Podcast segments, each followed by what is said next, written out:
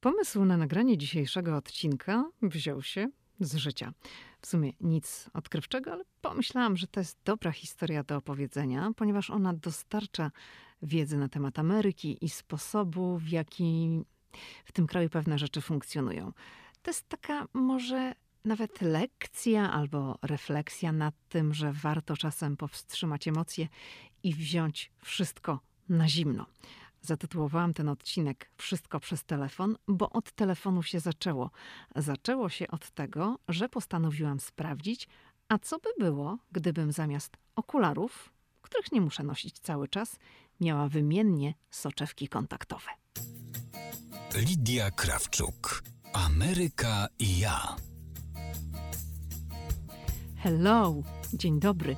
Od razu zastrzegam, że nie będę tutaj rozwodziła się nad stanem mojego wzroku. Ja wiem, że my Polacy uwielbiamy mówić o chorobach i medycznych problemach i nie mów mi, że to nie jest prawda, bo to jest prawda, bo nawet jeżeli ty nie lubisz, to większość Polaków uwielbia katować innych tego typu opowieściami. Kto na co zachorował i jakie miał objawy. I nawet kiedyś nagrałam taki podcast o wizycie u lekarza w Stanach Zjednoczonych. To możesz sobie posłuchać, bo zahaczam tam również o ten wątek, jak to jest w polskiej poczekalni, a jak jest w amerykańskiej. To jest odcinek numer 16. No i na koniec ci przypomnę o tym odcinku. Ten odcinek będzie mówił o załatwianiu spraw przez telefon i będę oczywiście porównywała, jak jest w USA i jak jest w Polsce. I punktem wyjścia jest historia z soczewkami kontaktowymi, czyli postanowiłam zobaczyć, czy mogłabym spróbować, czyli korzystać wymiennie i z okularów, i soczewek, a soczewek nigdy, ale to nigdy w życiu nie nosiłam. I co się robi w Ameryce, jak chce się zacząć nosić soczewki? No wiadomo, to co w Polsce, trzeba pójść do okulisty. Różnica jest jednak taka, że w Polsce soczewki można sobie kupić bez recepty, a w USA są na receptę. Ok, ale od początku. Jeśli masz w Stanach Zjednoczonych ubezpieczenie zdrowotne, bo nie każdy ma, no to sprawdza się oczywiście, czy ubezpieczenie pokrywa koszty związane z wizytą albo w jakim stopniu pokrywa. Ja nigdy wcześniej nie byłam w Stanach Zjednoczonych u okulisty. No i co zrobiłam? Mówiłam o tym przy okazji niedawnego podcastu na temat sytuacji w Stanach Zjednoczonych w obliczu koronawirusa i opieki medycznej. Ale no tutaj też przypomnę, co się robi w tej sytuacji. No to trzeba wejść na stronę internetową firmy ubezpieczeniowej, w której jest się ubezpieczonym i przejrzeć listę lekarzy, którzy współpracują z danym ubezpieczycielem. Należy korzystać tylko z tych lekarzy, którzy są na liście, czyli tych, którzy współpracują, ponieważ wtedy ubezpieczenie działa. Jeżeli mamy kogoś konkretnego na myśli, bo na przykład ktoś nam go polecił, ale jego nie ma na liście, to wtedy ubezpieczyciel nie pokryje kosztów usługi medycznej. Ok, czyli mam lekarza i jest informacja, że ten lekarz przyjmuje nowych pacjentów. U, super tak? Bo są tutaj lekarze w Stanach, którzy nie przyjmują nowych pacjentów i mimo, że on znajduje się na takiej liście, no to tam jest informacja, że nie przyjmuje nowych pacjentów i trzeba sobie poszukać jakiegoś innego w tym spisie z lekarzami i danymi kontaktowymi. I następne pytanie to jest takie, jakie tutaj sobie zadaje pacjent. Ile będzie mnie kosztowała wizyta?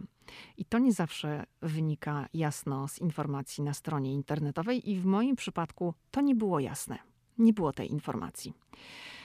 Więc, żeby mnie nikt nie zaskoczył um, jakimś rachunkiem z kosmosu, na przykład, to ja zadzwoniłam do mojej firmy ubezpieczeniowej, żeby zapytać, w jakim stopniu są finansowane przez ubezpieczyciela moje wizyty u okulisty. Bo w Stanach to jest coś takiego, że istnieje współpłacenie. No to też to mówiłam przy okazji podcastu na temat działalności systemu opieki medycznej, opieki zdrowotnej w Stanach Zjednoczonych i to nie jest tak, że ma się ubezpieczenie i ubezpieczyciel pokrywa wszystko w 100%. To zależy, jakie to jest ubezpieczenie. Ale większość ludzi musi współpłacić. I wtedy, kiedy zadzwoniłam do mojej firmy ubezpieczeniowej, to wyjaśniłam dokładnie, jaki jest cel mojej wizyty u okulisty. I powiedziano mi, że ubezpieczyciel pokryje moją wizytę w 100%, czyli jest free. Wow, super, bardzo miło. No bardzo się ucieszyłam. No to nic, tylko trzeba umawiać się na wizytę. Odszukałam sobie e, nazwisko lekarza gabinetu, który był w pobliżu mojego miejsca zamieszkania. Zadzwoniłam tam I umówiłam się na wizytę. Wizyta miała nastąpić za kilka dni. I chcę jeszcze dodać, że to wszystko działo się zaraz w pierwszych dniach marca, wtedy kiedy w Stanach nie obowiązywały jeszcze w Waszyngtonie, w Nowym Jorku, no ogólnie w Stanach jeszcze nie obowiązywały takie restrykcje w związku z koronawirusem. Ten wirus już był, ale on był w innej części Stanów, w północno-zachodniej części USA, czyli głównie w stanie Waszyngton. Tutaj Oczywiście mówiło się już o koronawirusie jako o problemie, który zaczyna się pojawiać, ale restrykcje w Stanach, jakie obowiązują w tej chwili, kiedy nagrywam ten odcinek, jeszcze nie obowiązywały. Także umówiłam się na wizytę. No i jak przyszedł ten dzień, kiedy miałam się tam pojawić, to tam się zjawiłam. No to procedura jest standardowa, tak, czyli przychodzi się do takiego gabinetu, pokazuje się kartę ubezpieczeniową, pokazuje się dokument tożsamości no i miałam wykonane badanie wzroku. To wszystko oczywiście trwało dosyć długo. Najpierw było takie wstępne badanie wzroku, którego nie wykonywał lekarz, tylko jakaś inna osoba. Potem dopiero było spotkanie z lekarzem, a potem musiałam nauczyć się, jak założyć sobie szkła kontaktowe. To była po prostu jakaś gehenna, bo ja nigdy tego nie robiłam. Myślałam sobie, matko, przecież to ja bym musiała, nie wiem, gdybym chciała to robić rano na przykład, to musiałabym, nie wiem, godzinę wcześniej wstawać, żeby sobie założyć ale było tak bardzo sympatycznie, bo uczyła mnie taka młoda Amerykanka. Żartowała sobie i, i, to było takie właśnie też w amerykańskim stylu. You can do it, you can do it. Tam mnie zagrzewała do boju, żebym tam walczyła, żebym sobie dawała radę. Ja już miałam w pewnym momencie takie chwile zwątpienia. Mówię, ja mam za małe oczy, one mi się nie zmieszczą w ogóle. On, to, nie, to ja nie mogę, to nie jest dla mnie. Tak mówiłam, a ona mówi, nie, słuchaj, masz dobre, masz dobre. Wyobraź sobie, że nawet, i powiedziała mi, Azjaci nie mają problemów, a przecież oni z natury mają inną budowę oka, mają mniejsze oko i to skoro oni mogą, to ty też możesz. No jakoś mnie przekonała tym argumentem i udało mi się. Udało mi się, musiałam sobie tam pochodzić po tym gabinecie. Potem robiliśmy kolejną próbę. Zanim już miałam opuścić gabinet, to był taki gabinet równocześnie połączony z salonem sprzedaży. Można było tam kupować oprawki do okularów. No i jak już przyszło do momentu, w którym miałam wyjść, no to jest w USA, to się mówi checkout, czyli no, dokonuje się takich ostatecznych formalności. I przy wyjściu okazało się, że wystawiono mi rachunek na 229 dolarów. I ja zrobiłam wielkie oczy, ponieważ w mojej firmie ubezpieczeniowej powiedziano mi, że ta wizyta i usługa będą całkowicie pokryte przez ubezpieczenie, czyli że nie zapłaca nic. No i powiedziałam oczywiście tej pani, że to chyba jest jakaś pomyłka, że ja zadzwoniłam wcześniej do mojej firmy ubezpieczeniowej i powiedziano mi, że ta wizyta będzie bezpłatna, że to jest całkowicie pokrywane przez moją firmę ubezpieczeniową. No tam do komputera coś tam w klawiaturze poklepała. No i mówi, że no z ubezpieczenia tak nie wynika. Z ubezpieczenia wynika, że właśnie tyle muszę zapłacić. No ale zapytała mnie, czy chcę, żeby ona zadzwoniła do firmy ubezpieczeniowej i zapytała, o co chodzi. No to ja oczywiście, że tak, że chcę. No i ona poszła zadzwonić. Nie wykonała tego telefonu przy mnie. Wróciła i powiedziała, że w firmie ubezpieczeniowej powiedziano jej to samo, że firma ubezpieczeniowa nie pokrywa w całości kosztów tej wizyty i że ja właśnie muszę zapłacić tyle. No i co w tej sytuacji? No to ja w tej sytuacji, nauczona już pewnymi doświadczeniami, o których powiem za chwilę, powiedziałam, że zapłacę, ale żeby mi wystawić szczegółowy rachunek z opisem. No i nie mogę powiedzieć, żebym się nie zdenerwowała gdzieś tam w duchu, no bo nie miałam ochoty płacić 229 dolarów w momencie, kiedy ktoś przez telefon mi powiedział, że ta usługa będzie bezpłatna. No ale wciągnęłam kartę i zapłaciłam 229 dolarów, wiedząc, że już w czasie tych prób mi się to kompletnie nie podobało. I wtedy wychodziłam z gabinetu z takim przeświadczeniem, że wywaliłam 229 dolarów na coś, czego chyba raczej i tak nie będę używała. No ale zachowałam zimną krew, bo to jest też taka jedna z rzeczy, której nauczyłam się tutaj w Stanach, że nie warto wylewać swojej frustracji na kimś, kto tutaj nie zawinił. To pani, która wystawiła mi ten rachunek, ona opierała się na tym, co ma, czyli na moim ubezpieczeniu, a z niego wynikało jasno, że ubezpieczenie nie pokrywa w 100% mojej wizyty.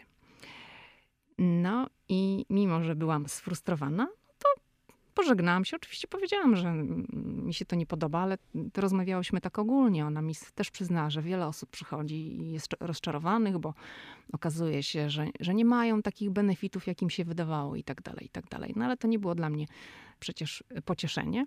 No, roz, rozstałyśmy się w takiej atmosferze, no, pożegnałyśmy się kulturalnie. I ja wiedziałam, że będę interweniować, ale nie zrobiłam tego w tym samym dniu, bo byłam wściekła gdzieś tam w środku i chciałam się wyciszyć, dać sobie czas, żeby na zimno to załatwić. I następnego dnia albo dwa dni później zadzwoniłam do mojej firmy ubezpieczeniowej i zanim oczywiście się tam dokopałam do odpowiedniego departamentu, no bo w Stanach jest tak jak wszędzie. Tak jak w Polsce, że jest automat, który zadaje ci dwa miliardy pytań i zanim tam nawciskasz, naklikasz i zanim dotrzesz do tej właściwej osoby, z którą możesz porozmawiać, zanim zaczniesz rozmawiać z żywym człowiekiem, to musisz po prostu się użerać z automatem przez jakiś tam czas. No ale przeszłam tę ścieżkę i dotarłam do żywego człowieka, który był po drugiej stronie słuchawki. I powiedziałam na spokojnie, w czym rzecz, że kilka dni wcześniej zadzwoniłam, że pytałam dokładnie o wizytę u okulisty, że chciałam zamienić albo spróbować szkieł kontaktowych zamiast tradycyjnych okularów i że powiedziano mi, że taka wizyta w moim przypadku będzie bezpłatna. I pierwsze, co zrobiła ta pani, to ona mnie z góry przeprosiła, powiedziała, o, że przeprasza, że tutaj taka sytuacja zaistniała. Sprawdźmy, o co chodzi. No i zaczęła coś tam w komputerze sprawdzać, i po chwili mówi do mnie: Ja już chyba wiem, co się wydarzyło. No i według niej stało się to, że ta osoba, która wówczas udzielała mi informacji, nie wzięła pod uwagę faktu, że ten benefit, że taka usługa jest bezpłatna do 18 roku życia w ramach tego konkretnego ubezpieczenia, którym ja dysponuję. No ja 18 lat, to już umówmy się. Dawno skończyłam.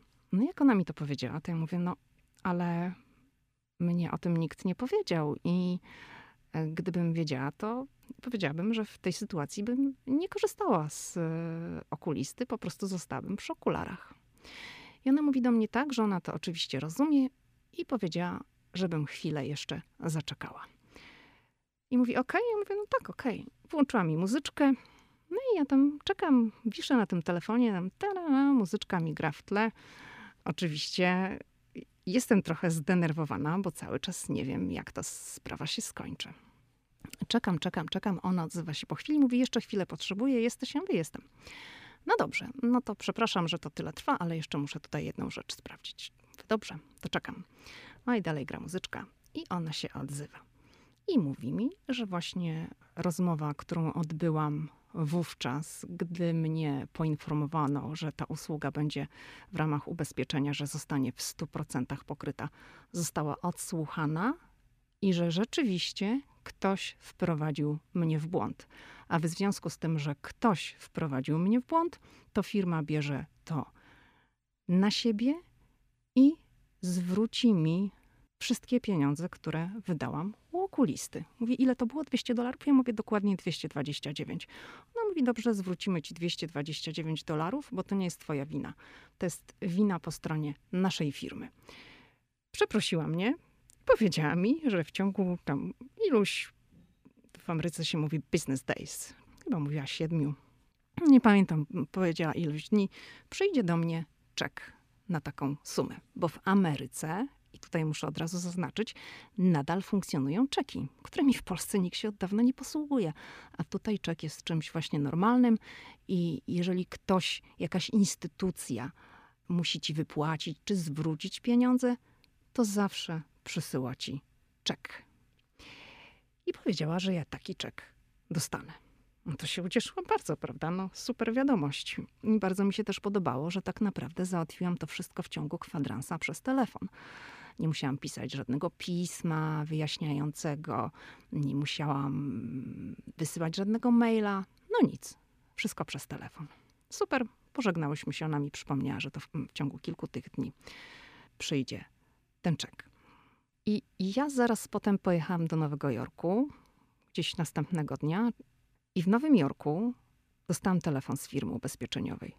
To dzwoniła dokładnie ta sama kobieta, z którą rozmawiałam przez telefon wcześniej, która mi powiedziała, że dostanę czek.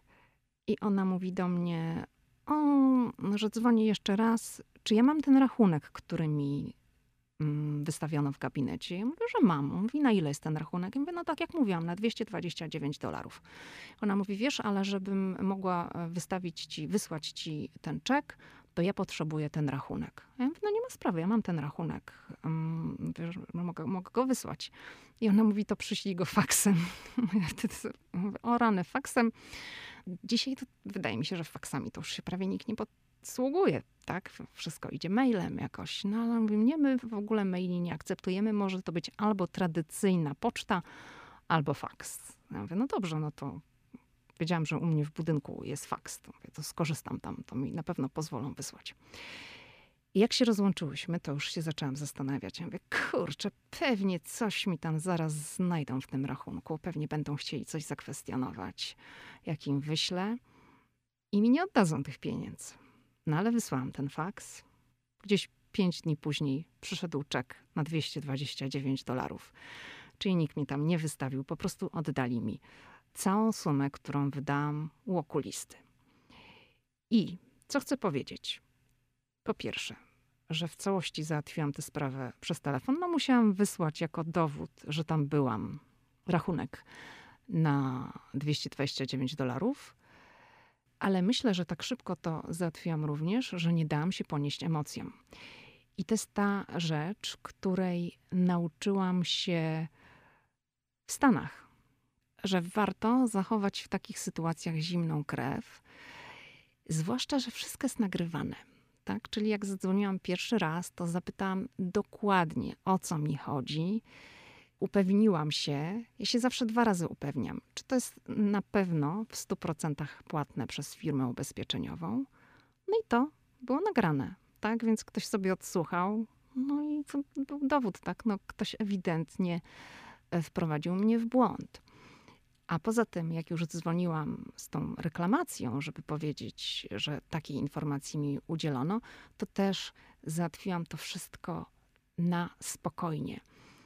Oczywiście, że się zastanawiałam, czy ktoś nie będzie mi próbował wmówić czegokolwiek, ale myślę, że to, że to było na spokojnie, rzeczowo, bez wydzierania się i włączania godzili, tak, bo nam czasem się, a człowiek ma ochotę krzyczeć, nie, bez wkurzony, bo się czuje, że ktoś go zrobił po prostu, no w bambuko, tak powiem. Tak, że ktoś ci mówi, że jest za darmo, a ty idziesz i musisz zapłacić 229 dolarów. Ale to jest właśnie ta rzecz, której nauczyłam się w USA, że należy powstrzymać wtedy emocje nie dać im ponieść, nie krzyczeć i zachować spokój.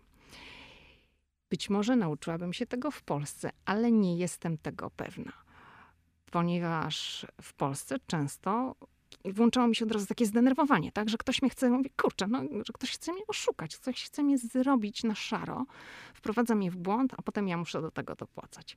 W Stanach nauczyłam się, że nie warto w ogóle dawać się w takich sytuacjach ponosić emocjom, bo nawet jeżeli ty masz rację, ale zachowujesz się jak furiat, tak? Po prostu krzyczysz, ponoszą cię emocje, to z góry nie chcę powiedzieć, że skazujesz się na porażkę, ale wydłużasz tą całą sprawę, bo na spokojnie uważam, można załatwić wiele rzeczy szybciej.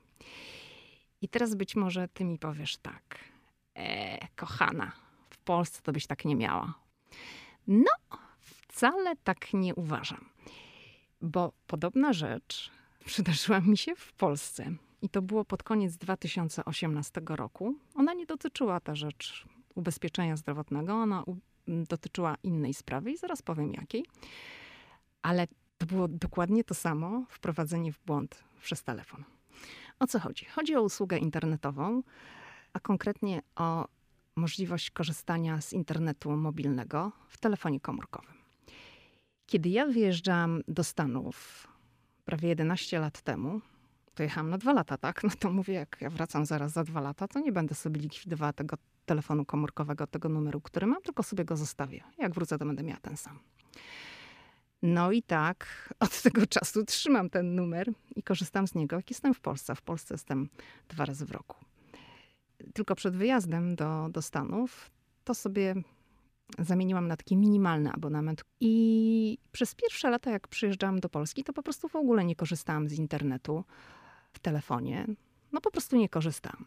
Ale gdzieś tak ostatnie dwa lata mój mąż nawet do mnie mówił, no weź przestań, co ty tak bez tego internetu w telefonie, no weź sobie włącz, przecież na pewno jest jakaś usługa, możesz sobie włączyć. Ja zadzwoniłam do operatora i okazało się, że rzeczywiście może tak być, że mogę przyjeżdżając do Polski włączać sobie internet na okres rozliczeniowy konkretny, tak? Czyli każdy ma jakiś okres rozliczeniowy od dnia do dnia. U mnie jest, zdaje się, chyba od 23 do 23. I jak przyjeżdżałam do Polski, to sobie włączałam pakiet internetowy. Kilkadziesiąt złotych to mnie wtedy zawsze kosztowało dodatkowo. I w 2018 roku, w grudniu, czyli nie teraz w tym grudniu, nie te święta, które były ostatnio, tylko te wcześniejsze, przyjechałam i tradycyjnie zadzwoniłam do operatora, żeby włączyć sobie ten pakiet usług internetowych w telefonie, żebym miała internet w telefonie. I wtedy jakoś przylecieliśmy do Polski w połowie grudnia i zależało mi bardzo na tym internecie, bo musiałam polecieć do Warszawy. Miałam tam sprawy w Warszawie do załatwienia, pilne. I internet był mi potrzebny, więc sobie ten internet oczywiście włączyłam. I w tej Warszawie muszę powiedzieć, że trochę poszalałam z tym internetem, no ale go miałam, bo wtedy mm, my lecieliśmy ze Stanów, z Nowego Jorku do Berlina tradycyjnie, bo my jesteśmy ze Szczecina. I Nowy Jork w grudniu, no to jest e, szaleństwo istne, ponieważ jest bardzo świątecznie udekorowany. Te wszystkie dekoracje, światła, to jak miasto jest ozdobione jest po prostu niesamowite i ja bardzo dużo robiłam relacji z Nowego Jorku na Instagramie, na Insta Stories, pokazywałam jak to wygląda i jak przyleciałam do Warszawy, to właśnie wtedy spadł śnieg i wieczorem poszłam na spacer po takiej e, świątecznej Warszawie i ona była też bardzo pięknie udekorowana. Nowy świat tonął w światłach. Starówka była pięknie udekorowana. Tam było lodowisko. Ja to wszystko tym telefonem, relacje trzaskałam na Instagramie, Insta Story, tam się grzało. No bo miałam internet w telefonie. No i mój okres rozliczeniowy, tak jak mówię, był gdzieś tam do 23. I po świętach się zorientowałam, że ja nadal mam internet w telefonie. Czyli oni mi nie wyłączyli tego internetu. Mówię, a to muszę zadzwonić, bo ja zaraz tutaj nowy rok, ja zaraz wracam do Stanów, no to nie potrzebuję płacić za internet, za usługę, której najwyraźniej ktoś mi nie wyłączył. Nie chcę. Chciałam tylko na miesiąc, znaczy chciałam na ten jeden okres rozliczeniowy. Po świętach już nie potrzebowałam, bo się nigdzie nie ruszałam. No i zadzwoniłam do operatora i mówię, jaka jest sytuacja. I rozmawiałam z jakimś panem. Wtedy też rozmawiałam z panem, jak sobie włączałam. Teraz rozmawiałam z innym i mówię, o co chodzi. On tam oczywiście wiadomo jak to, nie? Poklikał w system, w komputer i mówi tak. Ale pani nie ma uruchomionej żadnej usługi internetowej. A ja mówię, no ale ja mam internet. No to muszę mieć uruchomioną, skoro ja korzystam z internetu. I on mówi, hmm, no to ja nie wiem, ale tam jeszcze klika, klika, mówi, wie pani co, ale pani najwyraźniej korzysta z tej taryfy i jakąś nazwę mi tutaj rzucił, nie pamiętam jaka to była taryfa. W każdym razie to była taka taryfa, nazwijmy to przedpotopowa, z której obecnie nikt oczywiście nie korzysta i gdzie stawka za internet jest bardzo wysoka. Gdzieś tak kompletnie się tego nie robi. No to ja już czuję, co się święci, już oczyma wyobraźni widzę te wszystkie relacje, tam te Insta Stories, które trzaskam w Warszawie i wysokość rachunku. I mówię, czy pan może wie, ile, jaki będzie koszt rachunku mojego? On mówi, że on nie ma takiej informacji, więc ja oczywiście dalej już nie cisnę, bo już się nauczyłam. Nie pytaj ludzi, jak mówią, że nie wiedzą, bo oni naprawdę nie wiedzą. Oni, oni mają wąski zakres działalności, którą wykonują i nie ma sensu cisnąć, więc nie cisnę. Ale kolejne pytanie, oczywiście, mimo że w środku się we mnie gotowało już, to pytanie, jakie mu zadałam, na spokojnie, jaka jest ścieżka do napisania reklamacji, jak mogę złożyć reklamację, bo oczywiście mu powiedziałam, że reklamację na pewno będę składała, bo ktoś wprowadził mnie w błąd. I jak długo są przechowywane nagrania rozmów z osobami, do których się dzwoni na infolinię, załatwiając wszelkie sprawy u tego operatora. On mi bardzo kulturalnie udzielił odpowiedzi, co ja mogę zrobić, żeby napisać reklamację. Na szczęście nie musiałam tej reklamacji pisać w formie pisemnej, tylko mogłam skorzystać z formularza i wysłać ją przez internet. Powiedział mi, jak mam zrobić, powiedział, że mi się nie martwiła, że to jest przechowywane długo i że to na pewno jest. To ja mu podziękowałam i się rozłączyłam. A, jeszcze mi powiedział, że on nie może mi udzielić tej informacji, jaka jest wysokość rachunku, ale ja mogę sobie już to sprawdzić u siebie w internecie. No to oczywiście zalogowałam się do systemu. Ten e, okres rozliczeniowy już się skończył i rachunek opiewał na 400 mm, ileś złotych do 500 złotych dobiegał. Czyli tam natrzaskałam tego internetu po jakiejś stawce z kosmosu bardzo dużo. I napisałam reklamację. Napisałam reklamację, opisałam sytuację, jaka się wydarzyła i poprosiłam o udostępnienie mi, właśnie w tej reklamacji napisałam, że proszę o udostępnienie mi transkryptu rozmowy, jaką odbyłam z przedstawicielem tego operatora w okresie, bo nie pamiętałam dokładnie, który to był dzień. Napisałam, jaki to mógł być okres, bo wiedziałam, kiedy przyleciałam i kiedy mniej więcej zadzwoniłam. I wysłałam tą reklamację. I muszę powiedzieć, że sprawa no, nie została załatwiona od ręki, tak jak w przypadku tej sprawy z ubezpieczycielem w Stanach, ale została załatwiona szybko w ciągu kilku dni.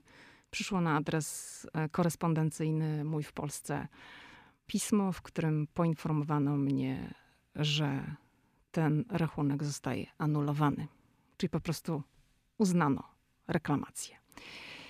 Nikt oczywiście nie dostarczył mi transkrypcji rozmowy, ale to już nie miało dla mnie żadnego znaczenia, ponieważ sprawa została załatwiona na moją korzyść. Rachunek za korzystanie z internetu został w całości anulowany. I muszę tu jeszcze jedną rzecz dopowiedzieć, żeby uporządkować pewne sprawy.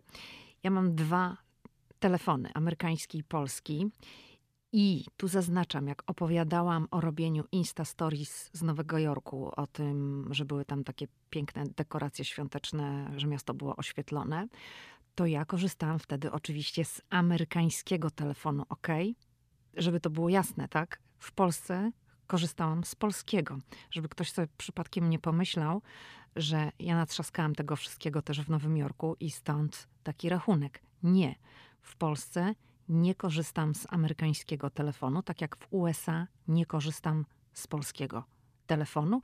I ten rachunek, który opiewał na grubo ponad 400 zł, wynikał wyłącznie z korzystania z polskiego telefonu, a dokładnie z korzystania z internetu. I to jest jedna rzecz. Druga rzecz to internet w polskim telefonie.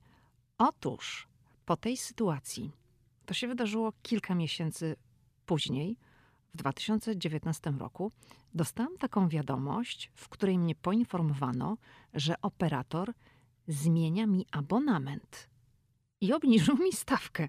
Obniżył mi, obniżył mi stawkę. Do tej pory płaciłam jakoś 20 zł.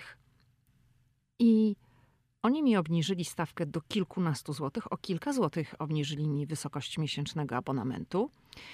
I jeszcze w ramach tego dorzucili mi dostęp do internetu. Jakiś pakiet danych to jest jakoś 3 giga, zdaje się, jeżeli tam nic nie mylę, bo mi te giga, mega, to mi się wszystko myli. No 3 giga chyba. I ja nie wiem, czy weszły jakieś przepisy, które obligują do takich działań operatorów, no bo oni mi zmienili z własnej woli, tak? Z własnej woli, jakby stwierdzili, że będą brać co miesiąc ode mnie mniej pieniędzy. Dla mnie to było takie zaskakujące, nie? że dostaję taką wiadomość, że oni mi obniżają obniżają mi stawkę i jeszcze mi dorzucają internet. No, przyszła informacja i tam było napisane, że jeżeli się nie zgadzam, to muszę się z nimi skontaktować, ale jeżeli się zgadzam, to nic nie muszę robić. No oczywiście, że się zgodziłam, tak? Więc teraz, jak przylatuję do Polski, to mam internet w pakiecie, nie muszę sobie niczego uruchamiać. I jak już mi się wyczerpie pakiet danych, to po prostu to wszystko zwalnia i jak wiadomo, wtedy praktycznie nic nie działa. Tak? Ten internet się mieli, mieli i nie można skorzystać ze, z internetu, ale to jest jakby inna sprawa. Ale tak to w tej chwili wygląda, także nie muszę nigdzie dzwonić i niczego uruchamiać. Także to nie jest tak, że to tylko w Stanach takie sprawy się tak rozwiązuje. Podobna sprawa została na moją korzyść rozwiązana w Polsce, ale myślę, że warto załatwiać takie sprawy na spokojnie i na zimno. I jak się dzwoni gdziekolwiek, to nie warto się wykłócać, krzyczeć i wyżywać się na tych osobach, które odbierają telefon, bo to tylko działa na naszą niekorzyść. A tak, jeżeli ktoś sobie prześledził jeden telefon, drugi telefon, który wykonałam w tej sprawie, czyli pierwszy, kiedy prosiłam o uruchomienie mi usługi internetowej, która nie wiem, co, co się stało, co ten człowiek uruchomił albo nie uruchomił, nie mam pojęcia. W każdym razie, jak się ktoś tam prześledził ten pierwszy telefon, który wykonałam, i potem ten drugi, w którym dopytywałam się, dlaczego dalej mam włączony internet, no to tam nie było w tym żadnej mojej winy i po prostu zostało to uznane. Natomiast gdybym tam się darła przez ten telefon, dała się unieść emocjom, nie mówię, że być może nie została ta sprawa by załatwiona, ale mam takie podejrzenie, że nie poszłoby to tak sprawnie i tak szybko.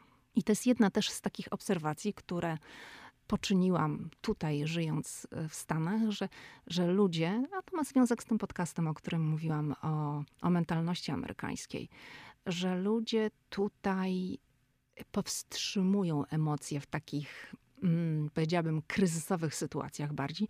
No nie mogę powiedzieć, że wszyscy tak, ale wiele osób tak i starają się załatwić tego typu sprawy bardziej na spokojnie, chociaż wiadomo, że każdy się w środku gotuje, tak? no bo nikt nie ma ochoty ponosić konsekwencji za cudze błędy. I pamiętam właśnie, to było w tym samym roku, w 2018, już po świętach, byłam w Empiku w Szczecinie, ale to nie był taki duży Empik, bo to był Empik w sklepie takim outletowym, dosyć mały punkt. I tam przy kasie obok też stał jakiś mężczyzna, który przyszedł z reklamacją gry. Ta gra była jedną wielką lipą, bo okazało się, że karty do gry, to był chyba monopol, y, miały wadę fabryczną. One były wszystkie sklejone. No nie dało się tym grać, bo te karty były posklejane i trzeba było je odrywać i je niszczyć. I ten człowiek przyszedł zareklamować tą grę. On miał w 100% rację. Tam w ogóle no, nie było o czym dyskutować. Ale on był tak zdenerwowany, tak wkurzony, tak krzyczał, że ja sobie pomyślałam, Boże, człowieku, no co ta pani, która przyjmuje od ciebie tę grę, jest winna? Przecież ona tej gry nie wyprodukowała. Przecież ona ci nawet, jeżeli to ci sprzeda, to no nie wie, co jest w środku. I sobie wtedy pomyślałam, przecież, a ta, a ta pani w ogóle nawet tego nie kwestionowała. Tak po prostu stała przy tym kontuarze i wysłuchiwała, jak ten człowiek wyżywa się na niej za to, że była to lipna gra. No co ona zawiniła? No nic nie zawiniła, tak? I on i tak by załatwił tą swoją sprawę. Ona no nie dyskutowała, tak? Nie, on po prostu musiał się na niej wyżyć za to, że to była taka lipna gra. Więc to jest ta jedna z tych rzeczy, której też nauczyłam się w Stanach, że po prostu nie warto się tak spalać, bo to nic nie da, tak? On no, załatwił tą sprawę, ale myślę, że gdyby przyszedł na spokojnie i pokazał, proszę zobaczyć, no po prostu to wszystko jest sklejone, to by załatwił to tak samo, bez podnoszenia sobie ciśnienia, bez podnoszenia e, ciśnienia jej i bez takich ciekawskich spojrzeń ludzi, którzy się temu przyglądali, no bo on krzyczał na półempiku. No był taki wkurzony, bo karty były e, sklejone. Jak opowiadam o tych dwóch m, mm, takich sytuacjach, załatwiania przez telefon pewnych rzeczy, to chciałam jeszcze właśnie zatrzymać się przy tym telefonie, żeby coś powiedzieć o Ameryce. W Stanach Zjednoczonych większość spraw załatwia się przez telefon bankowych, związanych z wszelkiego rodzaju ubezpieczeniami, z telewizją kablową, z internetem, z reklamacjami, no bardzo, bardzo dużo. I śmiem twierdzić, że w Stanach tych spraw można załatwić więcej niż w Polsce, ponieważ no, moje doświadczenia są takie, że w Polsce nie jestem w stanie pewnych rzeczy przepchnąć przez telefon, podczas gdy w Stanach mogę. Natomiast w Stanach, no to jednak większość, myślę, y, przez telefon można.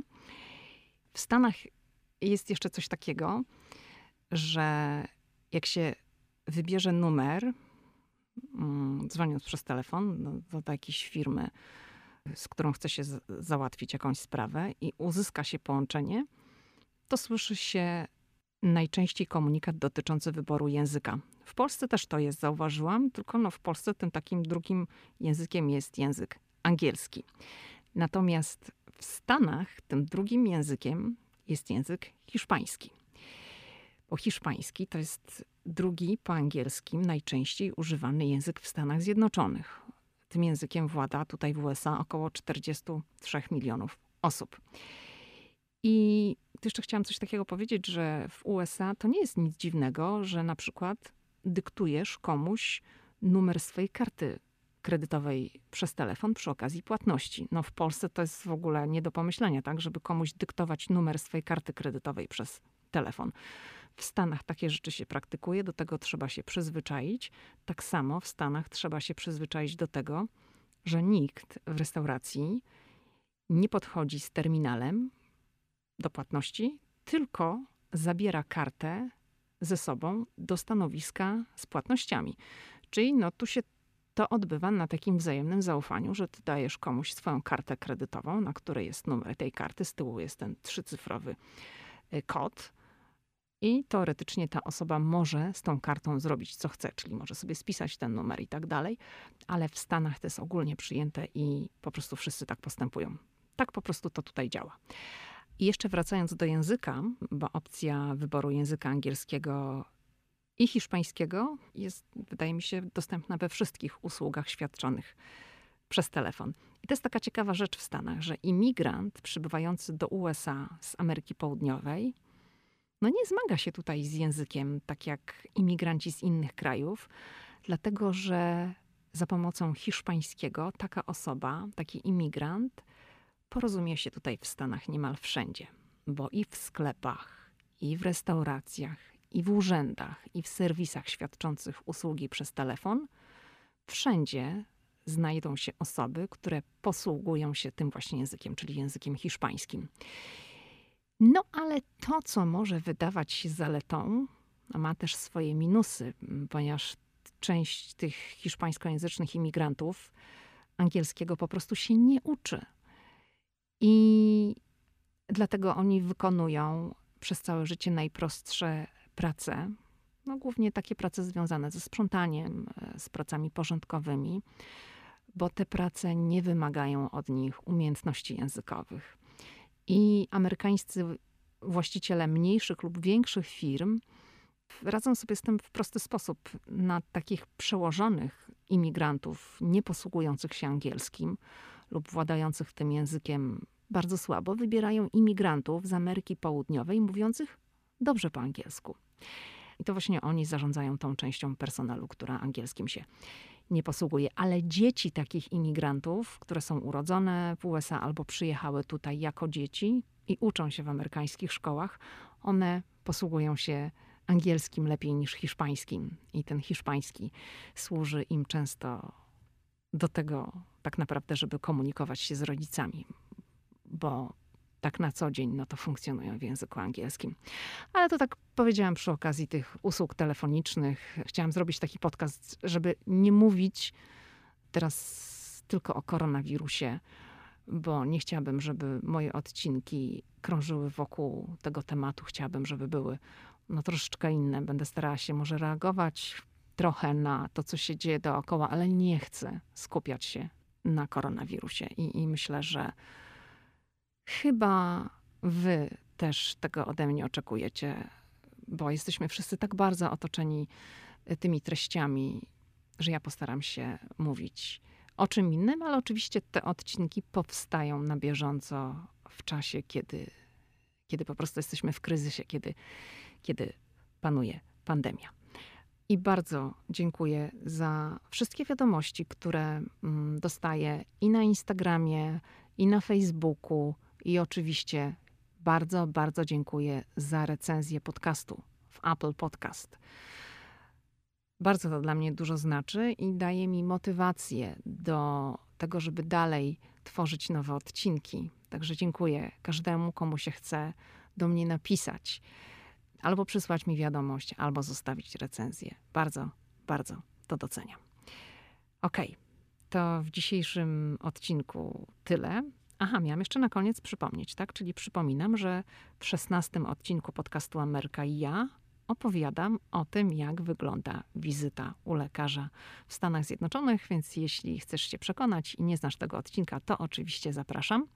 I tam mówię też, co się dzieje w poczekalni amerykańskiej, co się dzieje w poczekalni polskiej. I o mentalności, która no też w jakiś sposób mm, nawiązuje do dzisiejszego odcinka, to mówiłam całkiem niedawno, to był odcinek numer 32. Do usłyszenia w następny wtorek.